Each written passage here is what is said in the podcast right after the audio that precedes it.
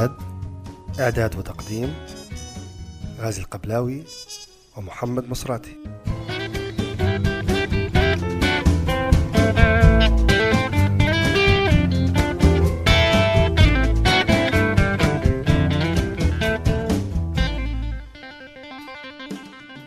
مرحبا بكم في هذه الحلقة الجديدة من بودكاست امتداد. امتداد برنامج ثقافي متنوع يهتم بالثقافة والأدب والفنون في العالم العربي وبريطانيا ويبث عبر الإنترنت. في هذه الحلقة من امتداد نقدم من خلال فقرة قراءات عرضا لكتابين. الأول هو رواية الكاتب البريطاني فيلم بولمان الرجل الطيب عيسى والمسيح الوغد التي أثارت جدلا في بريطانيا عند صدورها آه، قبل مدة قليلة. ثم نقدم قراءة مختصرة في السيرة الروائية للكاتب الأمريكي شولوم أوسلاندر مرثية القلفة التي تحكي نشأته ضمن عائلة من اليهود المتدينين في نيويورك.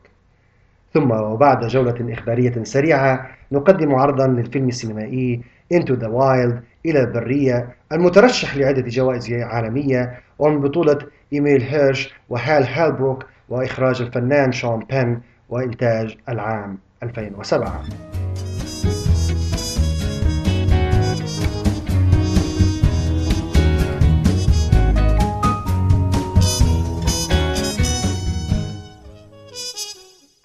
الرجل الطيب وعيسى والمسيح الوقت. كانت مريم وقت ذاك في السادسة عشرة من عمرها ولم يمسها يوسف بعد. ذات ليلة عندما كان يوسف في عمل خارج البيت سمعت مريم طرقات خفيفة على باب نافذتها. مريم أنت جميلة يا مريم. أنت الأجمل بين كل النساء. الرب فضلك أنت عن الأخريات تصبحين حلوة حلوة وأنيقة. ليكون لك عينان جميلتان وشفتان حلوتان. ارتبكت مريم وقالت من أنت؟ أنا ملاك. قال الصوت دعيني أدخل لأقول لك سرا أنت وحدك من يجب أن يعرف. فتحت مريم النافذة وسمحت له بالدخول. تكلف صاحب الصوت بالدخول كأنه شاب في ريعان الصباح كي لا يخيفها. فقالت له ما هو السر؟ أنك استحبين بالطفل. قال الملاك. ارتبكت مريم وقالت لكن زوجي ليس هنا. آه لذلك أراد الرب أن يحدث هذا الآن. لقد أرسلني لك بشكل خاص يا مريم. يا مريم أنت قد اختارك الرب من بين كل النساء عليك أن تشكريه لذلك. وفي تلك الليلة حملت مريم بالطفل تماما كما تنبأ الملاك عندما عاد يوسف من العام الذي أجبره المكوت بالخارج وأخبرته مريم حول حملها فزع ووضع رأسه داخل عباءته ورمى بنفسه على الأرض. بكى بمرارة وصب على رأسه الرماد وقال يا رب اغفر لي يا رب. أي رعاية هذه يا رب؟ لقد أخذت هذه العذراء من المعبد. فانظر إليها الآن. كان من المفترض علي أن أحميها إلا أنني تركتها تماما كما ترك آدم وحواء فجاءها الشيطان تماما بذات الطريقة التي جاء بها إلى حواء. مريم يا فتاة المسكينة ماذا فعلت بنفسك؟ أنت نقية فسهل استغلال براءتك. من الرجل الذي قام بذلك يا مريم؟ بكت مريم وقالت لم أقم بأي خطأ. أقسم لك لم يلمسني إنس في حياتي. كان هذا ملاكا قد جاءني لأن الرب أراد لي أن أحمل طفل أدرك يوسف وقتها أنه في رحم ورطة أن إن كان هذا حقا أمرا ربانيا قال يوسف لنفسه فمن واجب الرب إذا أن يرعاها والطفل ولكن في كل الأحوال سيكون الأمر سيئا. لم يقل ليوسف شيئا بعد ذلك. في رواية صدرت مؤخرا عن دار نشر كانون جيت بوكس المحدودة يكتب الروائي المشهور فيليب بولمان حكاية أقرب للفانتازية منها إلى الخيال ممكن توقع حدوثها. وضع لها عنوان مستفز الطابع وهو الرجل الطيب وعيسى والمسيح الوغد.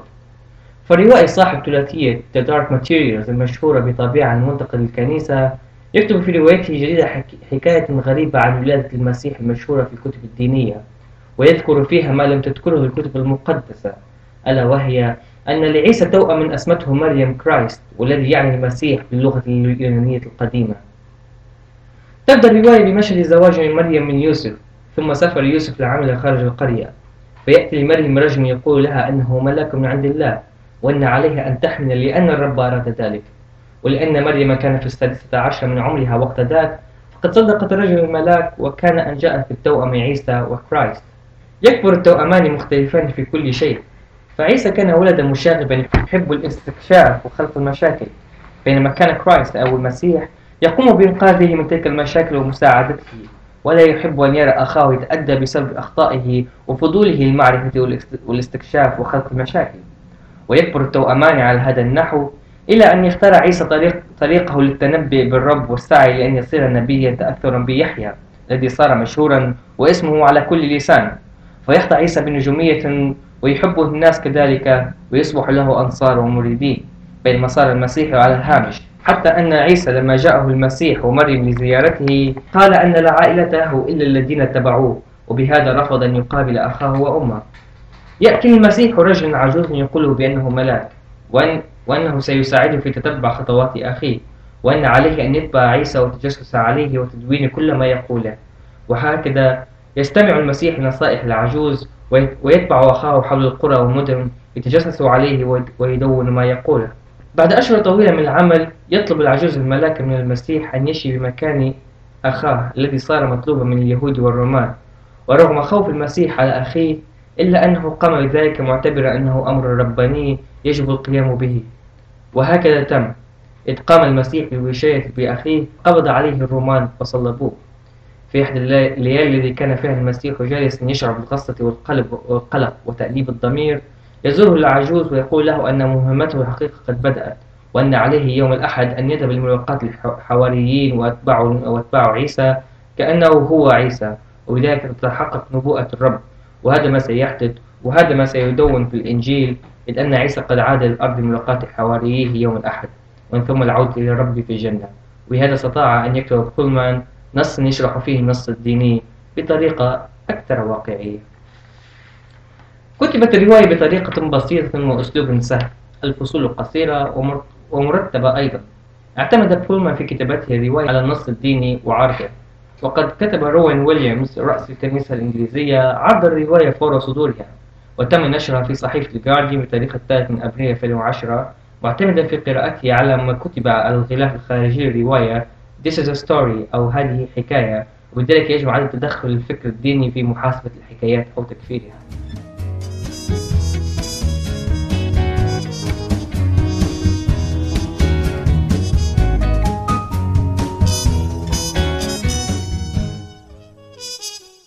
أخبرني والدي ومعلمي في صغري عن رجل قوي يستطيع أن يدمر العالم بأسره.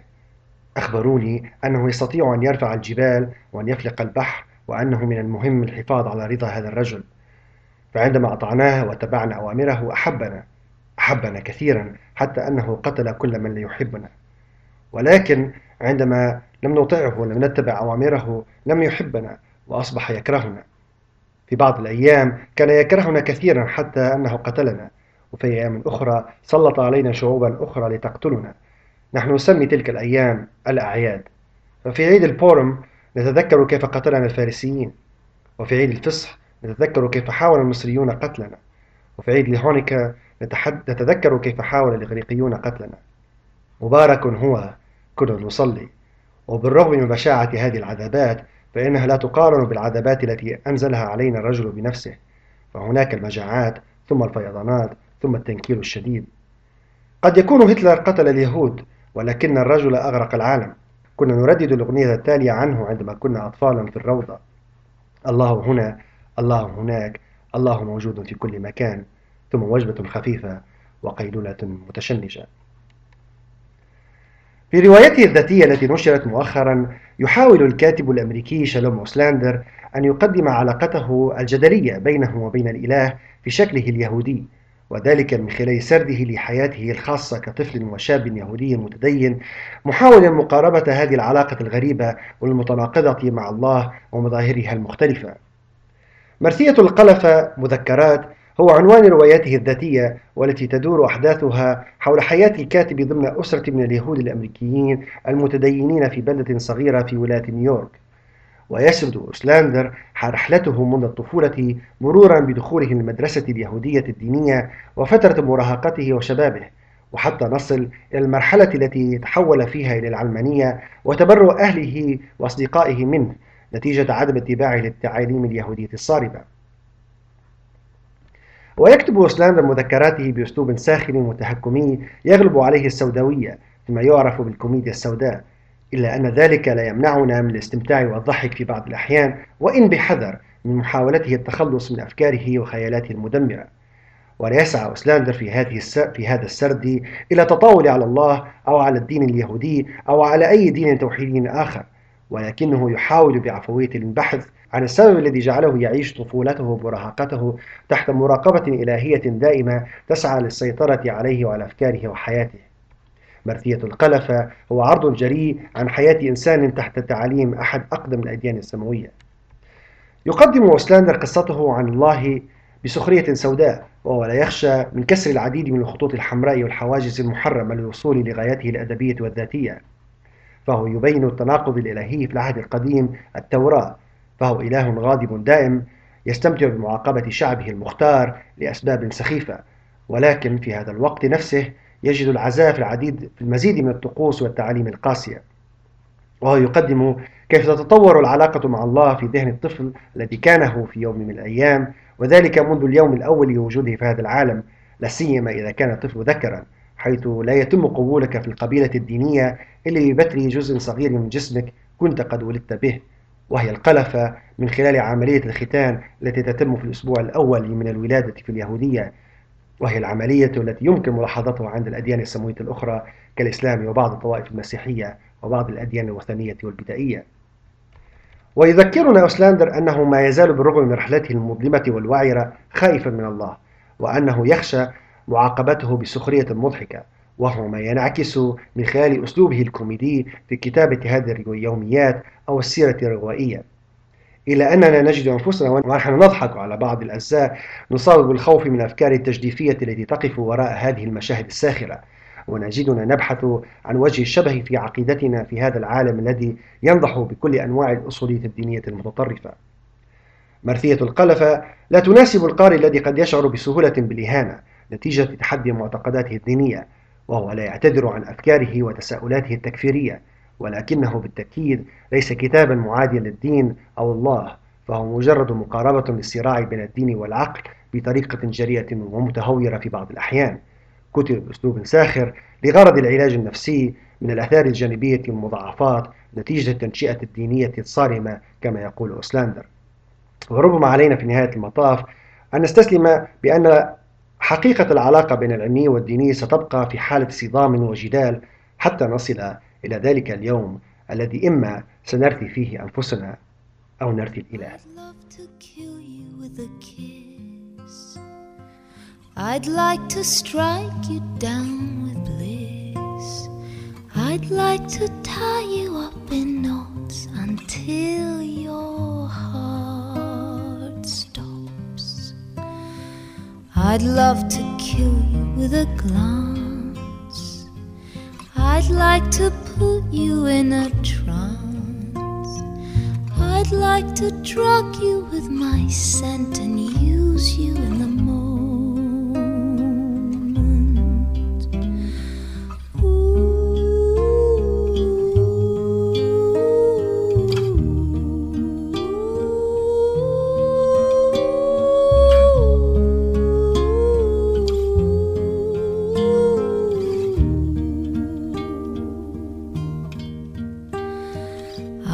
love to kill you as you eat.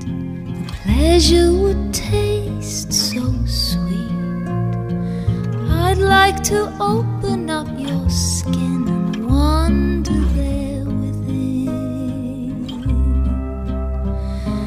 I'd love to kill you by a stream where no one can hear my baby scream and then I'd run away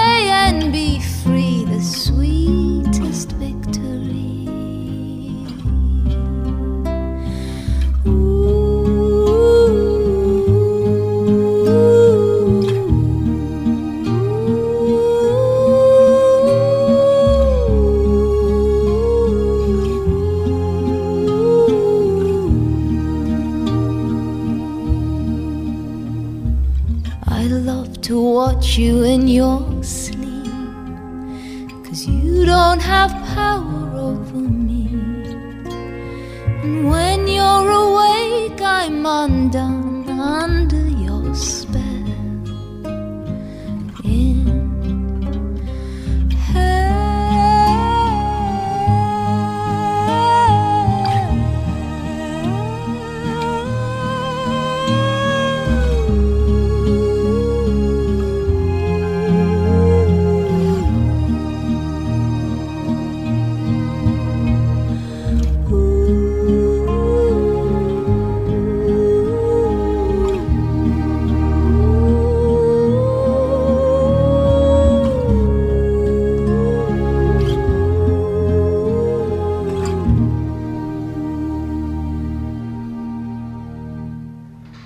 جولة إخبارية سريعة.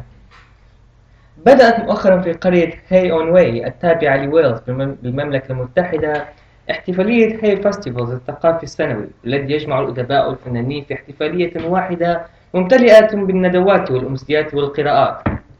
وحسب الصحف البريطانية فقد دعي هذا العام بالإضافة للأسماء الضخمة البريطانية والأمريكية بعضا من أسماء الكتاب في العالم العربي والمرشحين إلى قائمة بيروت 39 نذكر منهم جمانة حداد وفايزة قويني ويوسف رخا ورندا جرار وبعض الأسماء الأخرى مدعومة بالكراسي الثقافية ويذكر أيضا أن هناك ندوات وأمسيات ستقام على شرف الاحتفال سيتحدث فيها كل من الرئيس الأمريكي السابق بيل كلينتون والرئيس الباكستاني برويز مشرف والجنوب أفريقية الحائزة على جائزة نوبل نادين جورديمير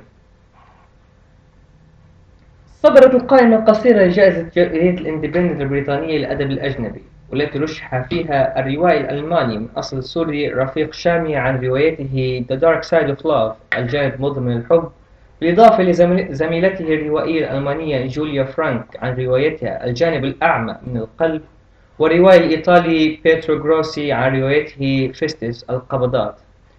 ويذكر أن جائزة اندبندنت قد بدأت عملها عام 1990 وفي هذه السنة تحتفل بالعام العشرين لبدئها وهذا ما يصعب حدوثه في عالمنا العربي. يبدو أن حوادث السير المشهورة في ليبيا قد وصلت حدود الأدباء والمثقفين فقد توفي الأسبوع الماضي الشاعر والكاتب الليبي بالقاسم المزداوي في حادث سير أليم نتيجة السرعة في إحدى السيارات التي يقودها مواطن يجري بسرعة إما قاتل أو مقتول. وعلى الرغم من شهرة حوادث السير في ليبيا إذ أن لكل ليبي فرد في العائلة أم الأصدقاء توفي في حادث سير خلال السنتين الأخيرتين إلا أن وصولها إلى خط الوسط الثقافي هي الأولى من نوعها تقريبا. ولا يعتقد المثقفون الليبيون أنهم بحاجة ماسة إلى أن ينقرضوا بواسطة حوادث سير مروعة على الطرق- على الطرقات. وبالقاسم المستاوي الشاعر والكاتب الليبي من مواليد العام 1956 وكانت قد صدرت له رواية بعنوان دروب الكتان. بالإضافة إلى دواوين شعرية نذكر منها الهمس بنية الجهر ونوافل القول وكما لو أن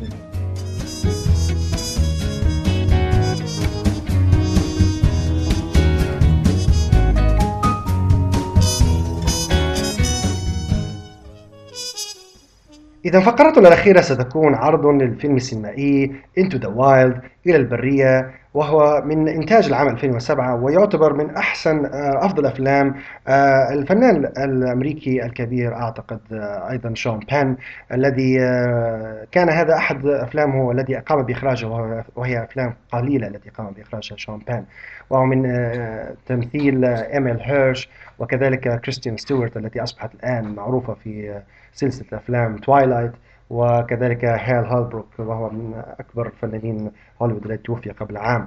آه، وكان الفيلم قد حاز كثير من الجو... على الكثير من الترشيحات وفاز أيضا بأحد جوائز الأوسكار. محمد آه، آه، أنقلنا في أجواء هذا الفيلم. آه، أجواء الفيلم يعني نعتبرها يمكن نعتبرها بسيطة جدا. هي عن آه، شخص آه، هي عن طالب كيف تخرج من الجامعة ولكنه لا يحب الحياة البرجوازية التي كان يعيشها وسط عائلته. وكان له حلما واحدا وهو الانطلاق نحو البرية وأن يعيش في أجواء الهيبيز مثلا أو آه، أجواء الإنسان ال- ال- الإنسان البري. آه، يقوم هذا الشخص آه، الشاب بحرق يعني كل نقوده وكل بطاقة شخصية أو بطاقة مصرف. وينطلق نحو البرية يصادف الكثير من الأشخاص ويتعلم منهم. وكان طريقه من من غرب فيرجينيا. إلى آه، ألاسكا في الشمال آه، في الشمال الأمريكي. وفي حول هذه الأجواء تدور آه، القصة بشكل عام. إذا هي القصة عبارة عن بحث عن الذات. أعتقد هي رحلة لشاب يعني تخرج حديثا من الكلية ويتخلص من كل النقود وكل آه، كل ما له متاع علاقة كل ما هو متاع. يعني استهلاكي في داخل المجتمع. ويخرج في رحلة طويلة في آه، في الولايات المتحدة. وهدفه هو الوصول إلى ولاية ألاسكا البعيدة آه، على الأقدام أو باستخدام هيتش هايكنج يعني يعني يركب السيارات آه، آه، التي تمر في الطريق. آه، وخلال هذه الرحلة يكتشف الكثير من الأصدقاء الذين لا يعرفهم والذين لا يتعرفون عليه من أجل مصلحة مادية. وهذا هو بيت القصيدة أعتقد في الفيلم. صحيح. هو البحث عن علاقات جديدة مبنية على آه، على عدم على خارج حدود المجتمع الاستهلاكي كذلك آه، القيام بتجربة وهي الإقامة لوحده في البرية دون أي طعام فقط هو الذي يجب أن يبحث عن طعامه عن طريق الحيوانات الموجودة. ولكن يريد أن يعيش أكبر فترة ممكنة وهو قد وضع لها يعني آه، فترة معينة وهي مدة ثلاثة أو أربع سنوات يعيش وحيدا في البرية. من أجل التأمل وإعادة قراءة مثلا كتب مثل تولستوي ولا ديستويفسكي ولا. والآخرين من. الكلاسيكيين فقط لمجرد ال- البحث عن الذات الضائعة والبحث عن من أنا يعني هي البحث عن الذات أكثر ما أكثر شيء تراه في داخل هذا الفيلم ولكن هناك بعض ال- بعض المواضيع الأخرى التي تطرح في داخل الفيلم سواء علاقاته التي آه،. أنشأها مع الآخرين وخاصة مع آه، أحد الشخصيات في الفيلم وهو الرجل العجوز آه، هال هالبروك الذي قام بدوره صحيح هناك يعني علاقة- قليل من المشاهد نعم. كانت بينه وبينه آه، على الرغم من ذلك لكن لديه هناك العلاقة يعني هو يريد أن يكتشف علاقة جديدة علاقة أبوية تختلف عن علاقته بأبيه التي كانت علاقة متشنجة وليست علاقة حميمة. نتيجة نتيجة للنفاق الاجتماعي الحاصل في داخل العائلات. آه، نتيجة ظروف اجتماعية معينة أو نتيجة مصالح اقتصادية. وهو ما جعله يخرج من نطاق العائلة ويستمر كذلك علاقته بأخته التي كان استمر في مراسلاتها مهم. في خلال فترة في خلال فترة آه، الرحلة آه، وإن كان على استحياء بشكل بعيد لأنه لا يريد أن يعود به الحنين إلى آه، البيت. إلى البيت من جديد نعم. لأن في النهاية آه، صادفته الكثير من المشاكل ومن بين هذه المشاكل أنه أيضا عندما وجد نفسه في مدينة لوس أنجلوس وهو أحد المشاهد الغريبة أنه في في داخل البرية تعرض الكثير من لم يتعرض الكثير من المشاكل نتيجة وجوده في البرية سواء من حيوانات أو سواء من حشرات أو سواء من آه، عدم وجود طعام أي المخاطر الموجودة في في البرية إلا أنه عندما عاد إلى لوس أنجلوس وجد نفسه في برية مختلفة أكثر شراسة حتى أنه صحيح. لم يستطع البقاء ليوم واحد لليلة واحدة في داخل قد كان يعني يتخيل في نفسه أنه في مع هؤلاء البرجوازيين في يعني وسط هذه المدينة المدينة الذي تعج بالفقر والجريمة والقتل وكذلك الناس الذين يبحثون على أي طريقة لانتزاع أي شيء يعني بمعنى آخر أن الخطر هو في المدينة وليس في البرية. البرية. الخطر مع البشر مع الإنسان وليس مع الحيوانات أو مع مع الحشرات أو مع مثلا الوعورة مثلا التضاريس في في أي مكان في البرية سواء كان في الشتاء أو الصيف أو حتى عندما وصل إلى منطقة صحراوية وعاش فيها بشكل يعني كأنه متشرد صحيح أعتقد دعنا نستمع لجزء من الفيلم ثم نعود بعد ذلك لمناقشة ما تبقى من هذا الفيلم Outdoorsman. What's your fascination with all that stuff? I'm going to Alaska. Alaska, Alaska? Or City, Alaska? Because they do have markets in Alaska. The city No. of Alaska, not in Alaska. In the city of Alaska, they have markets. No, man. Alaska, Alaska. I'm gonna be all the way out there, all the way out there, just on my own. You know, no, no watch, no map, no axe, no nothing, no nothing. Just be out there. Just be out there in it. You know, big mountains, rivers, sky, game. Just be out there in it. You know, in the wild. You know? In the wild. Just Wild. Yes. Just- what are you doing when we're there? Now you're in the wild. Just- what are you doing? You're just living, man. You're just there in that moment, in that special place in time. Yeah. maybe when I get back, I can I can I can write a book about my travels. Why you know, not? about getting out of this sick society. Society, oh, Society! society, man. Society! society, society, Society! society. You know, society. Cause, you know what I don't understand? I don't understand why people, why every person is so bad to each other so often. It doesn't make sense to me. Judgment, control, all that, the whole spectrum. It just What people we talking about? you know, parents, hypocrites, politicians, pricks. This is a mistake. it's a mistake to get too deep into all that kind of stuff. إذا عودة مرة أخرى نريد أن نذكر أيضا أن هذا الفيلم هو قصة حقيقية آه، حدثت بالفعل لهذا كريستوفر ماكندرل آه، وقام بتجسيدها آه، شون بين بطريقة رائعة جدا من خلال المشاهد الحقيقية في البرية الرائعة في في في في ألاسكا ح- بشكل خاص وبعض الولايات آه. ونذكر أيضا أن أن الفيلم ماخوذ عن كتاب كتب عن عن كريستوفر أو وكذلك هذه هذا الكتاب الذي كتب عنه ماخوذا عن يومياته ومذكراته التي كتبها والتي وجدت مع في في نهاية رحلته. نعم في نهاية الرحلة عندما وصل إلى ألاسكا وجد نفسه أعتقد ضائعا ولم يجد لديه كثير من الطعام. وعندما وصل إلى هذا آه، الحافلة أو الحافلة أو الباص القديم في وسط البرية لا أدري كيف وصل هذا الباص إلى إلى وسط البرية ولكنه حقيقي وكان موجود وبإمكان يعني هناك الكثير من يزورون ذلك المكان صحيح. بعد وخاصة بعد ظهور هذا الفيلم. آه، وكان بالنسبة له هو الملجأ الذي عاش فيه مدة طويلة. حوالي تسعة أسابيع. وكتب فيه ما تبقى من مذكراته. وكذلك هناك أيضا بعض المشاهد الأخرى في داخل الفيلم التي تبين أيضا مدى قدرة الممثل آه، الذي قام بالدور إيميل هيرش في تجسيد هذا الدور وخاصة عندما آه، لم يجد الكثير من الطعام ليأكلها وط- واضطر أنه ي- يعني نزل وزنه بشكل كبير. هناك أحد المشاهد اللي تعجبني وهي قدوم الدب آه، له يعني عندما هكذا يعني آه. اشتمه ثم يعني لم- مثل مش مأز منه ثم ذهب لم لم. يأكله يعني طبعا لا نستطيع أن نتحدث على نهاية الفيلم الحقيقية لأن هناك نهاية أعتقد ستعجب لا أدري لن تعجب أم لا لا ستعجب،. ولكنها ستثير نعم. قد تثير قد تثير الحزن عند الكثيرين آه، ولهذا لا نستطيع أن نتحدث عليها حتى نحرق باقي الفيلم آه، أو عند كما يقول محمد أعتقد أن حرقنا فيلم لا لا حسنا آه، أعتقد آه، أن هذا يعني معظم آه، ما في الفيلم. هل لديك قراءة أخرى؟ أم عندك لديك نقاط أخرى تريد تقول- تضيفها محمد؟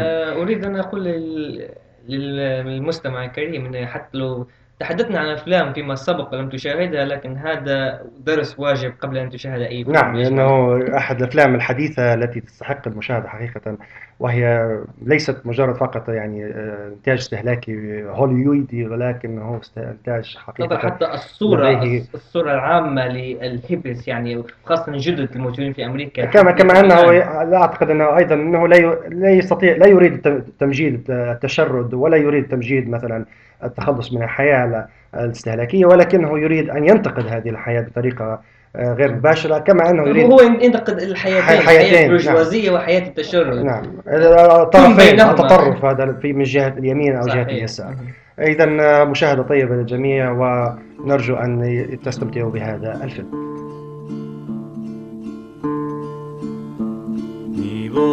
e mi rivoto sospirando. Passo le notti intere senza sonno. E le bellezze tue io contemplando. ripasso di la notte sino a giorno Zittia non posso ora più dormire pace non t'avi più sta fritto cuore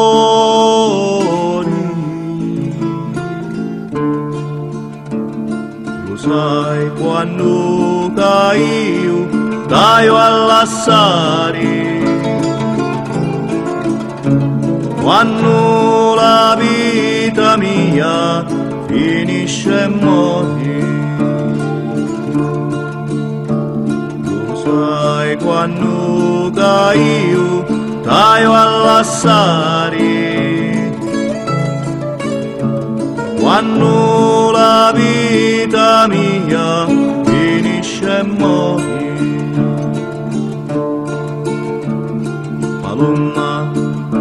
Ca cammini maro maro ferma quando ti dico due parole quando ti dico in pinna في ختام هذه الحلقة الجديدة من امتداد نرجو أن تكون قد نالت استحسانكم ورضاكم في نهايتها كان معكم غازي القبلاوي ومحمد مصراتي إلى اللقاء.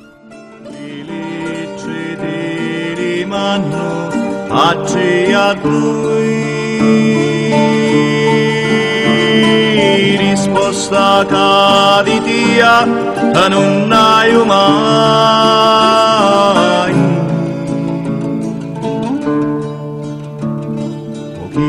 si perde carta bui oppuramente scrivere non sai mi voto e mi rivoto sospirando passo di notti intere senza sonno